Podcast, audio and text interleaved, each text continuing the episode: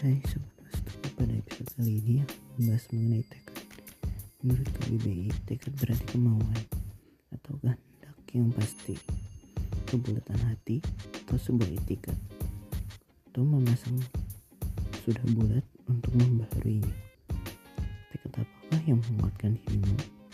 Apa itu tekad untuk menjadi sukses? Atau kamu mau membahagiakan kedua orang tuamu?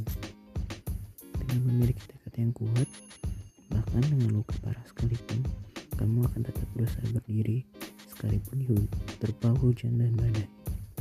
Dan sebaliknya, jika tekad itu rapuh, ia akan cepat pudar, akan mampu menumpa gelombang dalam kehidupan ini. Apa pun tekad yang kamu ingin capai, tetaplah jangan lupa diperlukan kerja keras untuk menyerah untuk melaluinya. Sekian.